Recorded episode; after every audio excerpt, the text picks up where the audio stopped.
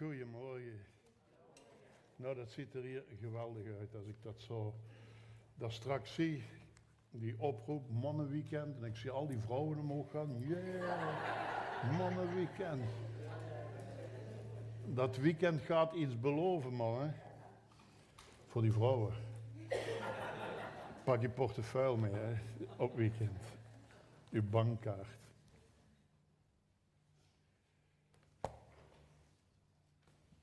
Uh, ik heb een korte vers vandaag. Ik ga hem zelfs voorlezen. Het is een heel bekende vers. Je kent hem waarschijnlijk wel. Maar ik begin zoals steeds met een verhaaltje, of vaak. Misschien hebt u het gehoord, maar dan denk er nog maar eens opnieuw over. Er was een man en die man die hield enorm van wandelen in de natuur. En hij beklom de hoogste bergen. Hij ging de berg op, u kent dat wel, maar die mannen verzegelen zich ook, goed vasthangen. En op een moment loopt die man in een kloof en hij valt naar beneden. Gelukkig hong hij aan die touw en hij zat echt een stuk naar beneden. En dan komt hij tot stilstand in een koude grot en heel donker. Geen hand voor ogen kan je meer zien. Als je dat trouwens wilt uh, is echt beleven, niet aan de touw, maar hoe het donker kan zijn. Dan moet je eens bij mijn zoon naar de grotten gaan en kan. Moeten jullie eens als gemeente doen. Zit je midden in de zonvloedverhaal. Hij vertelt wel iets anders, maar hij moet nog een beetje groeien daarin. Maar dan zie je zo, je ziet geen hand voor ogen. En vaak is dat in ons leven ook wel eens zo. Dan hang je daar aan dat touw en je weet niet meer waarheen. Dus die man in volle paniek begint te roepen van help, help, help, is er iemand? En dan komt er een stem van beneden. En die zegt, klinkt heel warm, en die zegt, laat maar los, mijn zoon. Ik vang je wel op. Psalm 23. De Heere is mijn herder. En daar hang je dan in het pure donker. En die stem zegt van, laat maar los mijn zoon. Ik vang u wel op. En wat doet die man? Hij denkt even na. En dan roept hij, help, help, is er nog iemand anders? ja, heel vaak in mijn leven zo gebeurt. Hè? Je krijgt advies van God en die zegt, laat het toch gewoon los, is er nog iemand anders? En we gaan op zoek naar andere dingen om onze redding te vinden. Als je die stem diep van binnen hoort, dan denk je, dat kan toch niet dat ik dat moet gaan doen?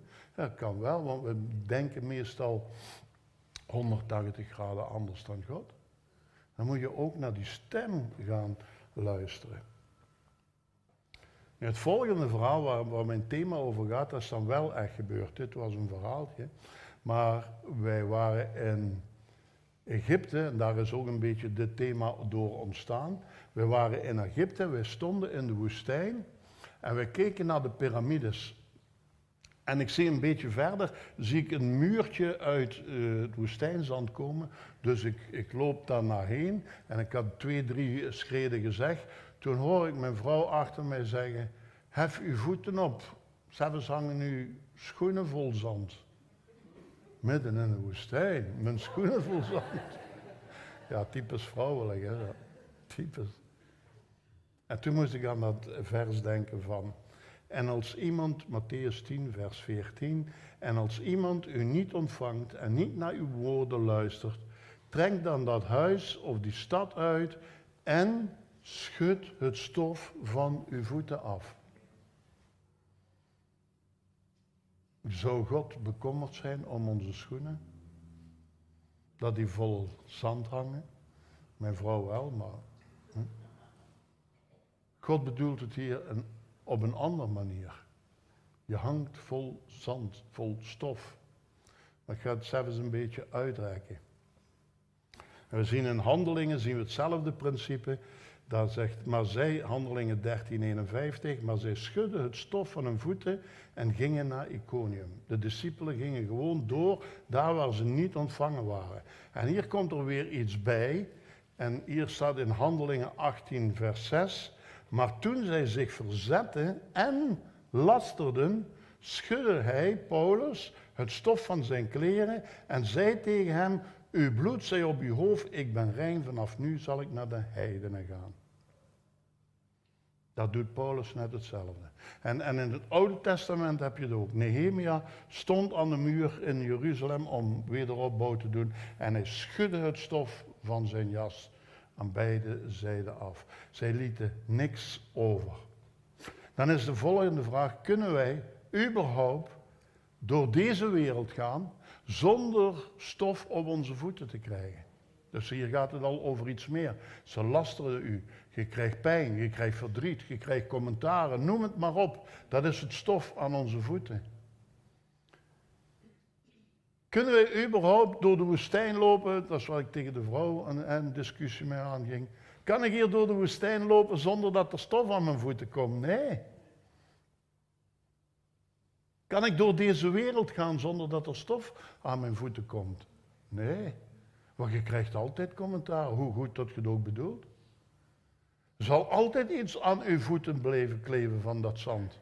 Van die laster, van de commentaar, van pijn, van verdriet. Van dingen die mensen u aandoen. En neem dan maar bij dat wij soms dat ook zelf een beetje veroorzaken. Ik sta hier niet om te zeggen, ik heb alle stof van iedereen, maar ik niet. Hè. Kan het ook doen. Hoe gaan we daarmee om? Hier is een optelsom binnengekomen vandaag met mensen met stof aan hun voeten. Je draagt nog altijd wat stof mee als je hier naar binnen komt. Wat je nog niet hebt afgeschud. En dat vertraagt en dat belemmert u. En misschien kom je wel helemaal vast te zitten. Doordat je het niet gaat afschudden. Een les in scheikunde. Oh, ik ben geen scheikunde, maar ik heb het ook maar gelezen. Als je kwik neemt, ken je, kwik in de thermometer is een bolletje kwik. En je pakt een goed scheermes en je gaat erdoor, heb je twee bolletjes. Klopt hè? Vier bolletjes, acht bolletjes. En je veegt het terug samen en je hebt weer één bolletje. Als je nou dat één bolletje doordoet, twee stukjes uh, uit elkaar, en je neemt een klein beetje stof en je gooit dat over het kwik. En je wilt dat terug homogeen laten worden naar één, één bolletje dan lukt het niet meer. Er zit iets tussen, de kwik, en dat is het stof. Als wij vandaag de doelstelling hebben, en dan straks is dat heel mooi gezegd, om terug uniform met God te worden, om gelijk aan Christus te worden, dan gaat dit stof belemmeren dat wij samengevoegd worden met God. Dat dit heel stof wat je nog aan je voeten of aan je ziel kleeft, ga er straks iets, een voorbeeld van geven. Dat gaat belemmeren dat je niet meer samen kunt voegen met God. Er is scheiding tussen jou en God. En dat kunnen, de grootste scheiding weten we is opgelost door het kruis. Maar in relatie met God zijn het die dingen wat jou wil hinderen. Hier zit iets wat je altijd weer opnieuw meeneemt. Het gaat hier om een levenshouding. Als mensen u niet willen ontvangen, als ze niet naar u willen luisteren, als het ze niks interesseert wie je bent, waar je voor staat, schud dan het stof van uw voeten. Als ze lachen, als ze lasteren, als ze liegende om u heen gaan, noem maar op, als ze je kwetsen, schud dan het stof van uw voeten af. Maar je gaat echt niet veel verder kunnen komen. Weet je wat de grootste gedachtefout voor een christen is? Er was een psychiater, een Belgische psychiater, die stond in Nederland in een grote zaal. En hij zei tegen die zaal, mensen, zegt hij, ik ben psychiater in België, maar mijn praktijk zit helemaal vol. In deze wereld.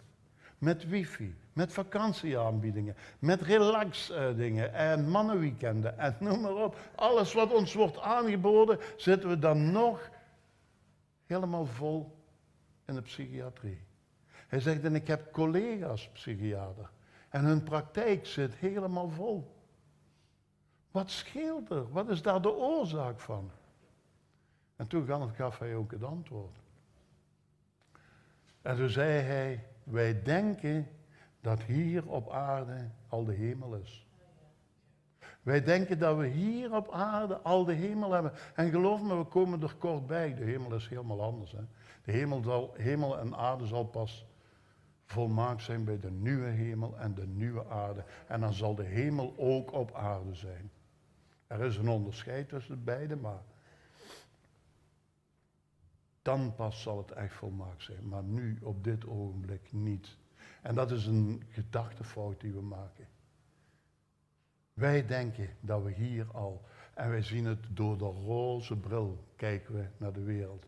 En we verwachten geen tegenstand, we verwachten, en dan plots komt het en dan zijn we helemaal onze tel kwijt.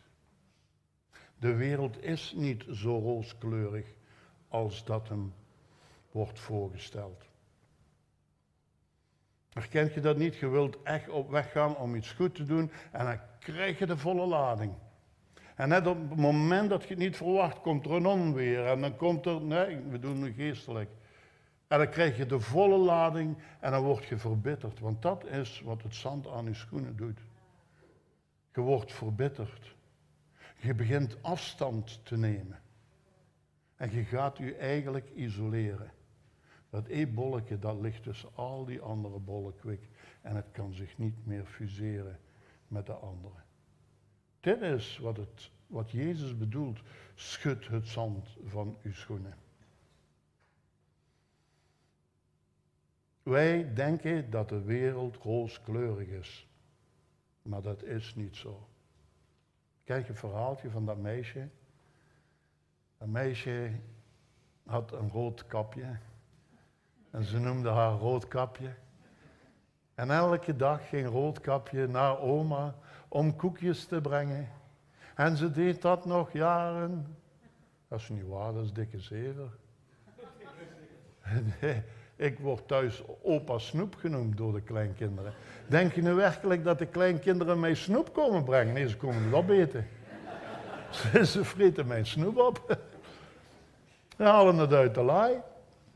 Roodkapje brengt geen koekjes naar oma, ze gaat ze halen bij oma. Erger nog, ze wordt onderweg verscheurd door de wolf met haar goede bedoelingen. En dat is ook voor jullie zo. Je wilt het goed doen, maar je wordt verscheurd door de tegenstanders die het niet aanvaarden. Dit is de wereld. En daar met die wetenschap mag je best gaan vertrekken. Het is niet zo eenvoudig. Maar God heeft remedies. God heeft die remedies en wist dat dit allemaal op onze weg zou komen. En heeft zo bepaalde dingen voor ons neergelegd, zodat wij niet in die valstrik zouden lopen en tot stilstand zouden komen in het leven. En de eerste is, doe ik zonde, doe ik dingen verkeerd, kan ik dat beleiden?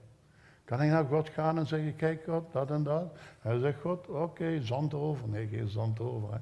Maar hij zegt, het is goed. Het bloed erover. Het bloed erover. Weet je, we verleden keer met het Pascha, het Pascha gevierd. En dan sta je elke jaar stil en elk jaar leer je weer iets als je dat woord induikt over de diepgang van Jezus van God. En ik heb altijd gedacht dat Jezus in de hof van Gethsemane zo'n schrik had om naar dat kruis te gaan. En dat had hij ook. En ik dacht, hij heeft angst om een nagel door zijn polsen. Hij heeft angst om daar te hangen. Ik denk niet dat dat de grootste angst is geweest. Er zijn studenten die hebben zich in brand gestoken in Praag. Die hadden de moed, waren niet zo bang. Maar Jezus had angst. Jezus had angst toen hij wist, ik ga naar het kruis. En dan komt die hele zonde, zal op mij komen. En ik ben niet meer gefuseerd met, met die God, die Vader in de hemel. Ik kreeg die hele rotzooi van de hele wereld. En dan zien we wat een genadige God. Al die rotzooi belandde op hem die eigenlijk op Adam en Eva had moeten liggen. Sommigen zeggen God straf. Nee, ik heb een zestiendelige studie waarin ik aantoon dat God niet straft. Stel je voor dat iemand naar u toe komt. Adam en Eva komt naar God. En God zegt, en? Ja, God, uh, die, die zoals Rijn zegt, die vrouw die je mij gegeven hebt. die heeft ze weer begaaid. Nee, zegt de vrouw, het is een duivel geweest. En ze hadden van de verboden vrucht gegeten. En dat was eigenlijk het moment dat dat ene kwik uit elkaar ging.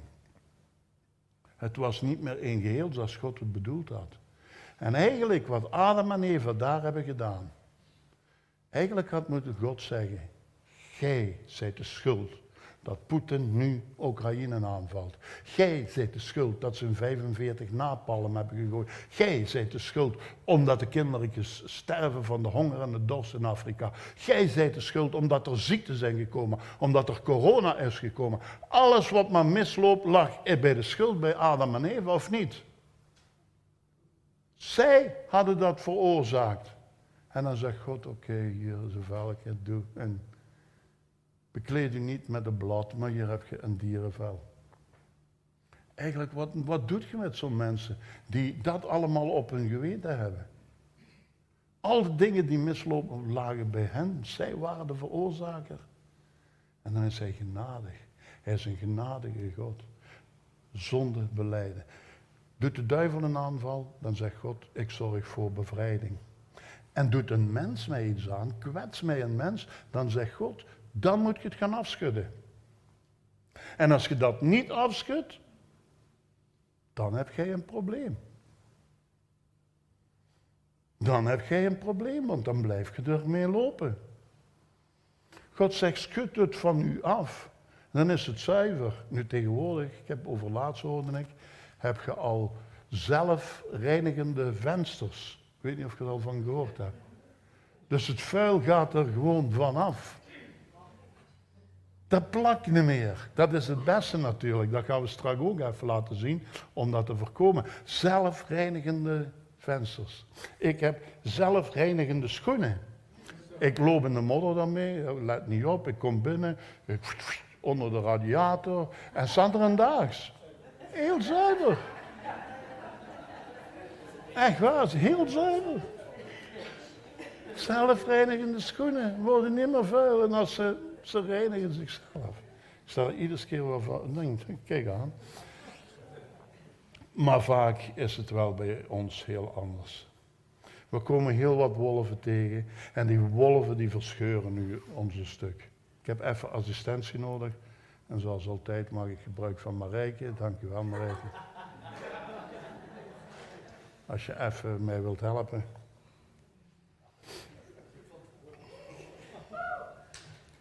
Ja. Je mag dat even vasthouden, zo vooruit strekken. Goed, goed stevig zo, ja. En dan ga ik gewoon even door. Dus 40 minuten. Dus maar 40 minuten de preek nog. Maar eigenlijk is dit een mooi voorbeeld. En meestal zeggen we, ja, is het glas half vol goed vooruit? Ja, Meestal beginnen we is het half vol of half leeg. Hè. Kent het wel, gaat vandaag niet om. Maar vandaag gaat het erom, hoe zwaar is dat flesje? Wat denk je dat dat weegt? Het is 50 centiliter. Ehm. En uh, eh, 3 gram denk ik zo voor het flesje, 2 gram erbij voor het dopje. Ah, ik denk toch wel een 500 gram. Een 500 gram, ja, dat klopt. 500 gram. En dat dragen we soms. Het is maar 500 gram. Is er nog 500 gram? Nou, het wordt al zwaarder. Het wordt zwaarder. Moet je niet vragen straks binnen drie kwartiers. Um, waar waren we gebleven? Ja, we worden teleurgesteld. En dan krijgen we een gewichtje op ons. Maar hoe langer dat we het vasthouden, hoe zwaarder dat het gaat worden. Wat kan zoiets meebrengen? Ik herinner mij een tante. Een heel verhaal hoor, maar ik ga het toch vertellen. En die tante, dat was eigenlijk een zus. Hoeveel weegt het ondertussen? Ja, 700. 700, dat is, dat is toch niet meer, hè? Zo'n sterke dame ook nog, hè? Dat ga je verlossen, hè? Ja. Dankjewel, Marijke. Maar het is wel waar, hè? Hoe langer je iets vasthoudt, hoe zwaarder dat het wordt. Mijn vader had een zus. En broers en zus, dat, dat klettert wel eens, hè? Hoeft niet altijd, maar in hun geval wel. Mijn vader was echt niet perfectionistisch, maar mijn zus wel. Ah, zijn zus. Tante Tini was wel heel perfectionistisch. En in de oorlog ging zij wat naaien om wat bij te verdienen. Dus ongeveer in de jaren 42 in Cannes werden ze uit het huis gezet op de Avergaatstraat door de Duitsers. En toen ging zij wat bijverdienen en ze herstelde pyjama's. Vroeger had elk huishouden een naaimachine. Maar er waren nog van die oude naaimachine, dat kent die mechaniek, dan moest je met het busje olie, hè, iedere keer alles gaan smeren, alle nippels, zodat dat vlot ging. Ze had er pyjama onder en ze zegt, Harry, smeer me mijn machines. Maar nu zit ik in, in het jaar 2012 of zoiets. Toen zat ze in het ziekenhuis, was, ze was heel slecht. En dan kwam ik haar bezoeken en dan vertelde ze dat verhaal van toen. Ze zegt, uw pa, dat was een plager. Dat was een echte plager. En dan ging dat hoofd zo, en dan wist ik al, dat is emotie. Ja, zegt ze, ik had het verhaal al vaker gehoord. Want uw pa, zegt hij, dan vroeg ik om een machine te naaien. En dan kwam uw pa met de spuitbus en dan zei hij, frits, frits, frits, frits, frits. En met een hele pyjama hang vol olie. Er was één druppelke olie opgekomen volgens mijn pa. Maar nee, een perfectionist is alles om zeep. Ja, zegt ze, en dan hong dat helemaal over die pyjama. En, en je kreeg die vloer, die was helemaal bedingd. En de reuk ging naar de buren van die olie. En de milieudienst moest komen. En er was brandgevaar. En een van de brandafgevaardigden kwam kijken. En dat hele lijf vertelde dat verhaal. Kun je je voorstellen dat mensen dat verhaal 70 jaar hebben vastgehouden? Zit ik goed in mijn telling? Nou, pak maar op 70 jaar. 70 jaar houden ze dat verhaal vast. En dat verhaal, dat gaat groter en groter en groter en zwaarder worden.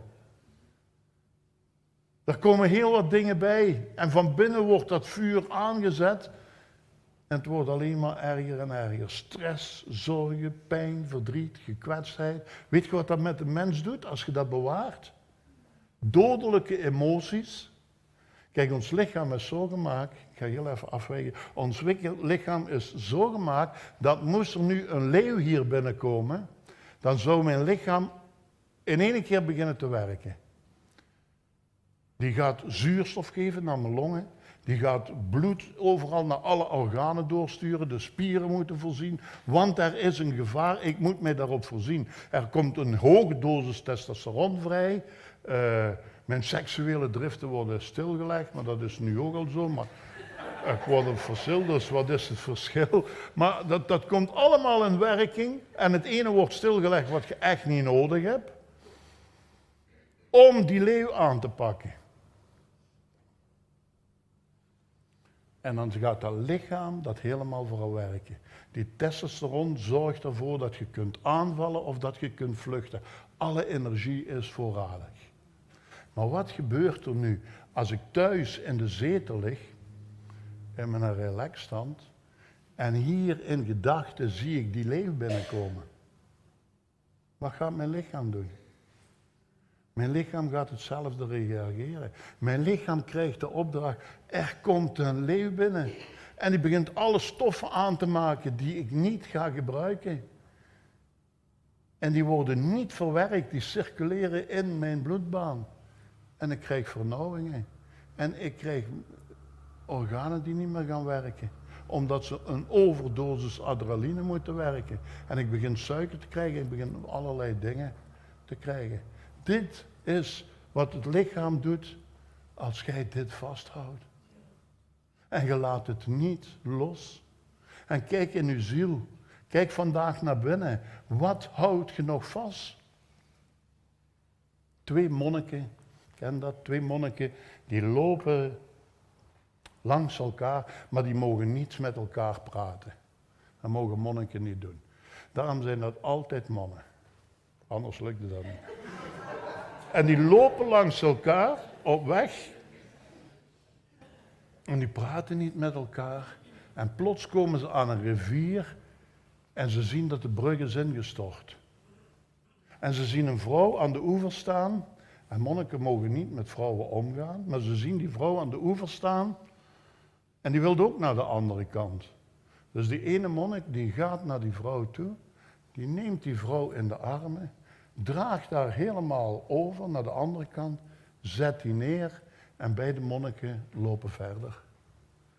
En na drie kwartiers zit er ene, dat borrelt van binnen. Dus en dan kan hij het niet meer houden, dan steekt hij zijn hand op. En zegt de andere, zeg maar, ik wil iets vragen. En ze lopen door, en de ander denkt. En na een kwartier zegt hij, vraag maar. Ik heb een probleem, zeg het maar. Ja, zegt hij, wij mogen niet met vrouwen omgaan. Nee, dat klopt, zegt hij, dat mogen we niet. Maar jij hebt die toch gedragen? Ja, dat klopt, zegt die monnik. Ik heb die opgenomen, ik heb die neergezet aan de andere kant. Maar jij draagt ze nog, zegt hij tegen de ander. Gij draagt ze nog. Hier van binnen. En hoe wilt je vooruit gaan als je dat allemaal blijft vasthouden? Hoe gaat je vooruit als je het na 70 jaar nog niet hebt losgelaten? Had die man van in het begin, die daar aan die zwarte touw hing, eh, eh, nee, niet een zwarte touw, aan de touw, in de zwarte omgeving. Ja, je ziet mijn dingen, hè werk ook al niet meer heel goed, maar uh, had die man maar losgelaten. Maar nu kwam er een reddingsploeg aan. En ze vonden die man. Maar hij was doodgevroren aan dat touw. 20 centimeter boven de grond. 20 centimeter boven de grond. Gestorven aan een touw, omdat hij niet kon loslaten. Een beeld van ons allemaal een beetje. We zijn gestorven aan dingen omdat we het niet konden loslaten. Dat is het gevolg als je afschudt. Kijk, nog zo'n voorbeeld van afschudden voor de Bijbelkenners. Genesis 19, vers 30. En Lot trok op uit Zoar en vestigde zich met zijn beide dochters op het gebergte. Want hij durfde niet in Zoar blijven. En hij ging wonen in een spelonk. Hij en zijn twee dochters. Neefje van de allerrijkste man in de omgeving van Abraham. Ging wonen in een spelonk. Geestelijk zijn er heel wat christenen die er vandaag niet aanwezig zijn, leven in een spelonk. In een spelonk heb je niks. Zit daar maar. Kun je je voorstellen? Het gevolg van het niet afschudden wat gebeurd was. Hij had het gezien van Sodom en Gomorra. Hij had het gezien van, van... En nu vreesde hij dat God ook wel in Zoar alles zou kunnen omdraaien. En hij zat vol met dingen die hij niet heeft losgelaten. En hij ging wonen in een spelonk. Heel wat christenen vandaag leven in een spelonk. Ik had er gisteren nog iemand een half uur aan de telefoon van. Ik ga niet meer naar de kerk. Nou, ga dan maar wonen in de spelonk. Of laat het los. Soms kun je het niet altijd oplossen. Hè? Jezus zegt niet, ga het oplossen en schud het dan van u af. Jezus zegt, laat het los. Natuurlijk moet je proberen alles op te lossen, dat, dat weten we ook. Maar soms helpt dat niet. Je praat tegen een muur. En dan zegt Jezus, laat dan maar los. En we zien wel hoe het verder gaat. En, en je kent de gevolgen, als je het niet doet, dan wordt het een grote last. Dan kom je uiteindelijk in isolatie bij die mensen waar je eigenlijk wel zou moeten zitten. En nogmaals, kijk eens diep in uw binnenste. Vandaag, nu, morgen. Als je stille tijd neemt, als je echt... En ga eens na. Heb ik nog iets aan mijn schoenen hangen? Is er nog stof aan mijn ziel dat kleeft, waardoor ik moeilijker kan fuseren met, met Jezus, onze grootste voorganger. Laten we vandaag daarmee komaf mee maken. Schud het van u af. Psalm 121, 7, 8, lees het thuis maar. De Heere zal u bewaren voor alle kwaad. De Heere zal u bewaren voor alle kwaad. Ik heb het misschien al eens ooit gezegd hier. Soms moet je lezen gelijk Luther de Bijbel leest. Weet je nog hoe? Met accenten. Met accent, ik ga het even lezen. De Heer zal u bewaren voor alle kwaad. De. Niet zomaar een Heer. De Heer. De Heer zal u behoeden voor alle kwaad. De Heer zal u behoeden voor alle kwaad. De Heer zal u behoeden voor alle kwaad. De Heer zal u behoeden. Je voelt de gewonde kracht afkomen. De Heer is mijn herder. Wauw, dat is een speciale Heer. De vrouw heeft vijf zussen. Zeg ik het goed? Vijf, hè, met zes. Vijf zussen. En dat zijn allemaal tanten. Maar als we nu een feest hebben, dan is er één, die noemen ze de tand. Dat is niet een tand. Dat is de tand, die komt dan op bezoek. En dan ziet iedereen een reb en roer. Want de tand gaat arriveren. Maar zo is het ook bij God. De Heere zal u behoeden van alle kwaad. Dus eigenlijk, het is afschudden, maar ook op weg gaan met God, met Jezus, met het woord van God. Duiken in het woord van God. En dit is ons grootste probleem. In de eerste plaats is ons grootste probleem, wij duiken niet in dat woord van God. Ik moet er u geen plaatje bij maken, maar mijn frigo gaat meer open dan de Bijbel open gaat per dag. Nu is het een beetje aan het veranderen. Hè. Ik weet niet of je het gemerkt hebt, maar, maar ik wil maar zeggen, mijn frigo gaat meer open. Mijn cinema boven, dat oh, kijken, mijn YouTube en TikTok wel eens kijken, noem maar op. De grootste dief van ons geestelijk leven is onze rijkdom en materiële zaken. Wat zijn, nu pak ik het niet verkeerd op, maar wat zijn bepaalde Oekraïners nu gezegend die met God wandelen en hun hele bazaar is kapotgeschoten? Je zou verschieten als je alles zou achterlaten. Hoe rijk dat je geestelijk, als je morgen op een eiland zet met alleen het woord van God. Hoe rijk dat je geestelijk zou kunnen zijn. En hoe arm dat we nu zijn. Wij zijn arme christenen. En dat is een van de grootste oorzaken waarom wij niet loslaten. We hebben te veel welvaartsmaterie en we duiken te weinig in het woord van God in. En ik blijf het zeggen. De wereld heeft ook goede dingen hoor. Dr. Phil, of hoe heet hem? Af en toe kijk ik dat wel eens zo, maar niet te lang. dat is allemaal ellende, maar het zegt wel eens goede woorden. De wereld kan nu heel mooie dingen zeggen, dat is zo. Maar ze staan in contrast met het woord van God. Er was iemand, ik las het uh, een tijd geleden, die zei tegen zijn zoon, zoon eet alle dagen, die, jongen was een twaalf jaar toen zijn vader zei, eet alle dagen een beetje buskruid. Wat ze nu in de bommen doen, hè, ontploffen. Die zoon werd 97 jaar, hij liet achter 72 kleinkinderen en een gat van 7 op 3 in het crematorium. Dus dat waren wel goede woorden. Dat was wel eigenlijk een goede, maar niet van eeuwigheidswaarde. En hier draait het verschil om. De woorden die wij hebben, hebben eeuwigheidswaarde. Dat buskruid, dat helpt wel een beetje, hè? maar dat heeft geen eeuwigheidswaarde. Want uiteindelijk ontplof je nog maar. Maar God zijn woorden hebben eeuwigheidswaarde. En nu het volgende verhaaltje, en dan zijn we er bijna rond. Dat wijst een beetje aan van één probleem waarom wij het niet opgelost krijgen. Misschien heb je het ook al gehoord, maar dan nogmaals, hoort je dat nu, overdenken dus. Er was een ondeugend manneke. Echt zo, je kent dat wel, hè? Die soms bloed onder de nagels heeft. Had altijd iets aanvangen. En een mannetje zegt in die stam waar hij leefde, kom, zegt hij tegen die kinderen, we gaan die oude wijze man eens wat pesten. En ik zal eens laten zien dat hij niet zo wijs is. En die jongen nam een vogeltje op zijn rug, dat vogeltje op de rug. En hij zegt tegen zijn vriendjes, dan ga ik naar die wijze man kijken of hij weet. En uh, komt bij de wijze man en zegt, wijze man, wat heb ik achter mijn rug in mijn handen? En die wijze man die werd stil. Hij zegt een vogeltje. Huh, daar stond hem. De wijze man wist het. Maar hij zei tegen zijn vriendjes, we gaan opnieuw. En nu ga ik naar die wijze man en dan zeg ik, wijze man, wat heb ik in mijn hand? En dan gaat hij zeggen, een vogeltje.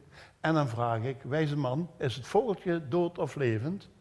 En als hij zegt, dood, dan laat ik het toch vliegen. En als hij zegt, levend, de nek over. En zeg ik, hier, het is dood. we, gaan, we gaan lachen, kom. En ik kom bij die wijze man met het vogeltje achter op de rug. Wijze man, wat heb ik in mijn hand? Een vogeltje. Ja, maar is het vogeltje dood of levend? Dood of levend, zei de wijze man. Het is in jouw hand. Wauw. Dood of levend, het is in uw hand vandaag. Zegen of geen zegen, het is in uw hand. Wij hebben het in de hand. Ik ga nog iets vertellen over soevereiniteit van God. Een gedachtefout die we maken. God is soeverein. God staat boven alles. God is een alleenheerser. God is een grootvorst. God is een monarch. God is een, uh, noem maar op, een, noem, noem maar al die dingen. Alsof iedereen moet in de hemel binnenkomen en zeggen, God, mag ik dat kindje doodrijden met de vrachtwagen? Want als God alles in zijn hand heeft, dan moet wel de duivel binnenkomen en zeggen: God, uh, mag ik even dat kindje doodrijden met de vrachtwagen? We willen dat daar een Maasmechelen op. En dan zegt God: Ja, dat is goed, doe maar. Want zonder zijn toestemming. Nee. Nee. God, mag ik de Afrikanen uithongeren en uitdorsten? En God zegt: Doe maar. God, mag mogen we napalm gooien op de Japanners? Ja, doe maar. Trouwens, die grote vrouw die helemaal verbrand was door de napalm die daar naakt als meisje stond, herinnert u die foto?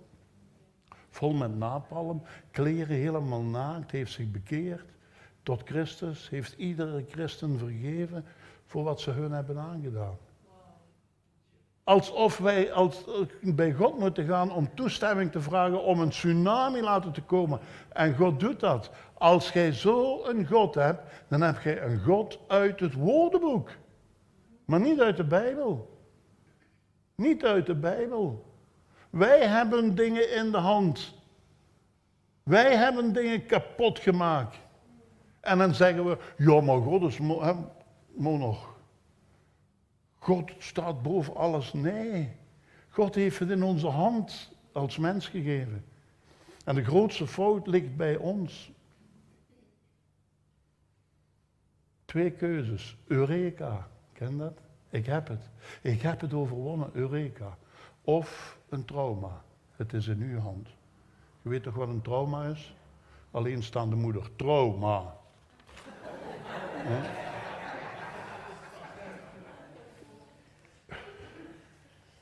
Wij hebben het in de hand. Schud ik het stof van mijn voeten of ga ik het vasthouden? Zet je het op uw grote vaste schijf hierboven gelijk op de computer opslaan als die heeft mij iets aangedaan. Die heeft dat en dat met mij gedaan. En iedere keer als je je scherm open ziet je die map. Kijk eens wat mij die heeft aangedaan. Je maakt nog erger. Onder de map zet je arme ik. Arme ik. Ja, ik ken mensen. Oh, weet je wat ze mij hebben aangedaan. Ik ging over laatst ergens spreken en daar zag ik de man die ik zo vaak tegenkom. Ik durf niet meer kijken naar hem, echt waar. Hè? Want als ik mijn richting naar hem kijk, dan is het van, ja weet je wat er nu gebeurd is. Maar iedere keer. Hij heeft zijn Bijbel open, dus constant. Maar als je een blik vangt, zit je een half uur, dan kan alleen maar, oh, dan heb je dat gedaan en toen zei je zo. En dan, wat doet dat met een mens, denk je, als je daarnaar blijft luisteren? Er was een man die, die reed op de brug en die ziet, daar wil iemand afspringen. Hij zegt, wow, handrem op en vliegt daar naartoe.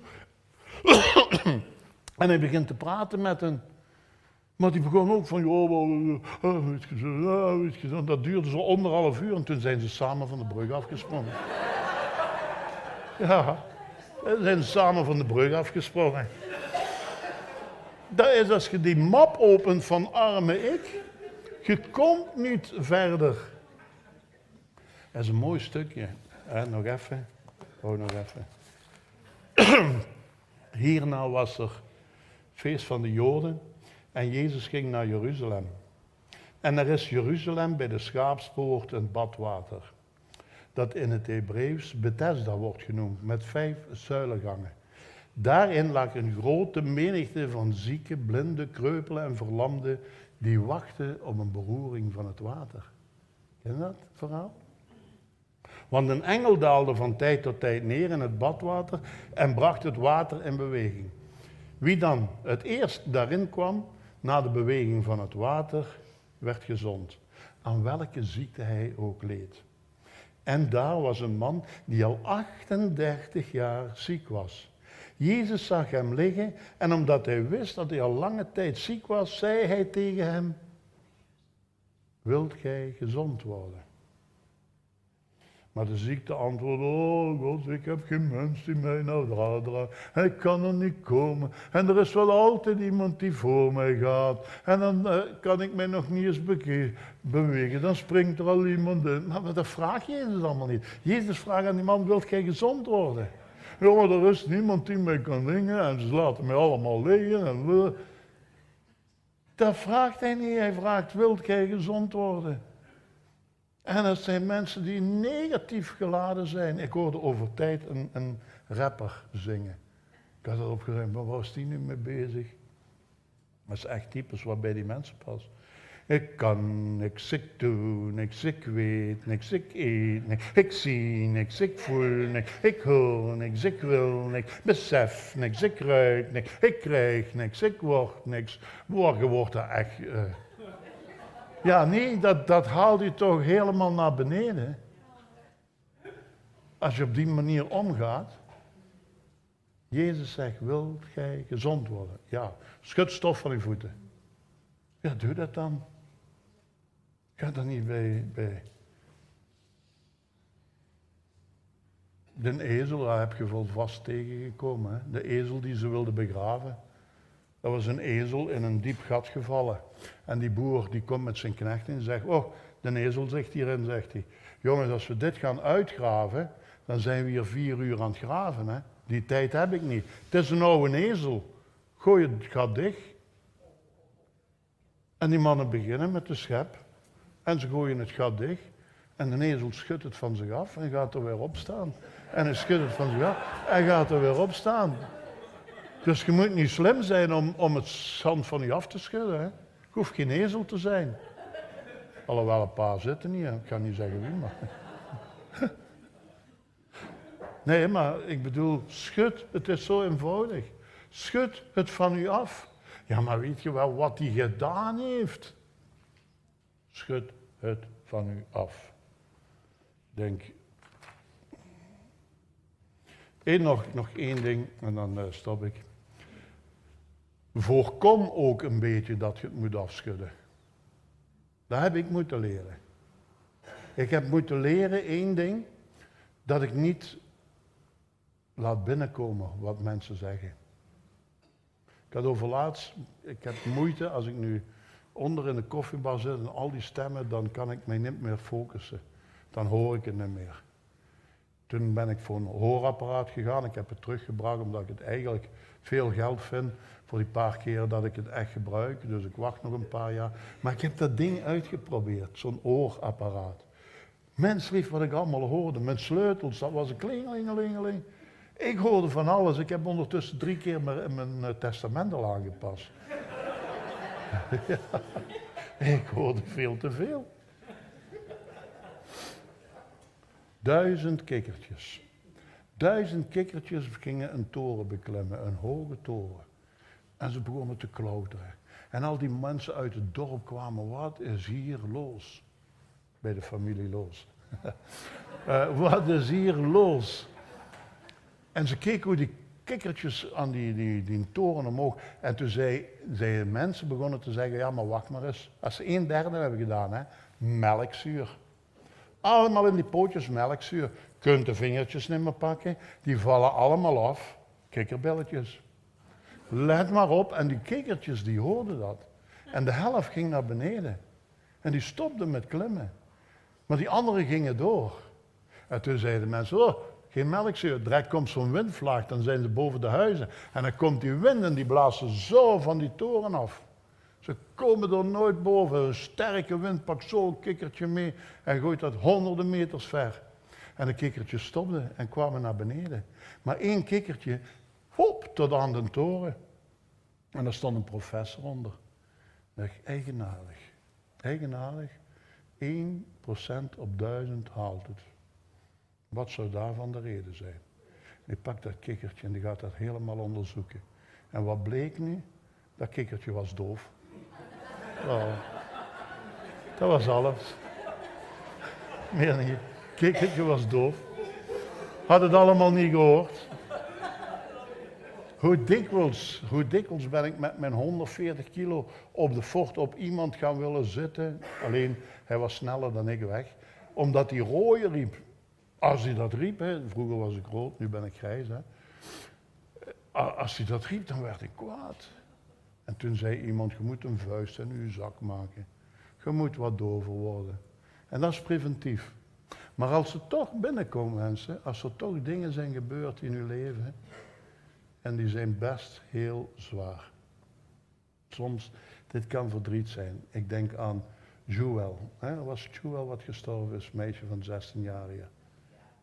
Heb dat maar. Heb dat maar aan de hand. Heb dat maar. En nu klinkt het heel eenvoudig wat ik zeg. Maar ook daar moet je het verdriet van u afschudden. Ik, ik begrijp het heel goed dat je dat vasthoudt. Maar er komt een moment dat je het zult moeten afschudden. En zeggen, Heer, is heel moeilijk, ik heb dat ooit gehoord. Heer, ik ben blij dat ik Joel 16 jaar heb mogen leren kennen. Heer, ik ben blij dat dit maar tijdelijk is. En dat ik later altijd bij haar zal zijn. Dit is wat, wat, wat de Bijbel ons leert. Hè? Maandag spreek ik op een begrafenis. Net hetzelfde. Vertel dat maar eens aan mensen die daar niks van, die zich daarvoor afsluiten. Dit is allemaal tijdelijk wat hier gebeurt. En kijk eens, ik ben al aan het fossileren. Ik ben al een fossiel aan worden. En dat is zo snel gegaan. Nee, maar dit is 65 jaar, je zou het niet zeggen, hè? Dank je wel. Maar 65 jaar is omgevlogen. Dit is maar tijdelijk. Ik heb er nog zo'n stukje aan. En dan zit ik in de eeuwigheid. Ik weet, het klinkt hard. Maar zelfs bij dat gedeelte moeten we het van ons af kunnen schudden. Uw verdriet, uw pijn, uw ellende, schud dat van u af. En Jezus geeft u heel veel andere dingen. Ik weet, het klinkt allemaal gemakkelijk, maar ik kan niks anders zeggen. Maar God zegt het. Schud het stof van uw voeten. Nogmaals, als je vandaag bent binnengekomen met zand aan uw voeten, ga dan naar mijn vrouw, die lost dat direct op. Nee, ga naar Jezus. Ga naar Jezus toe. Schud het van u af. En je zult vrij komen te staan. Whatever gebeurd is, whatever is, probeer alles op te lossen, sowieso.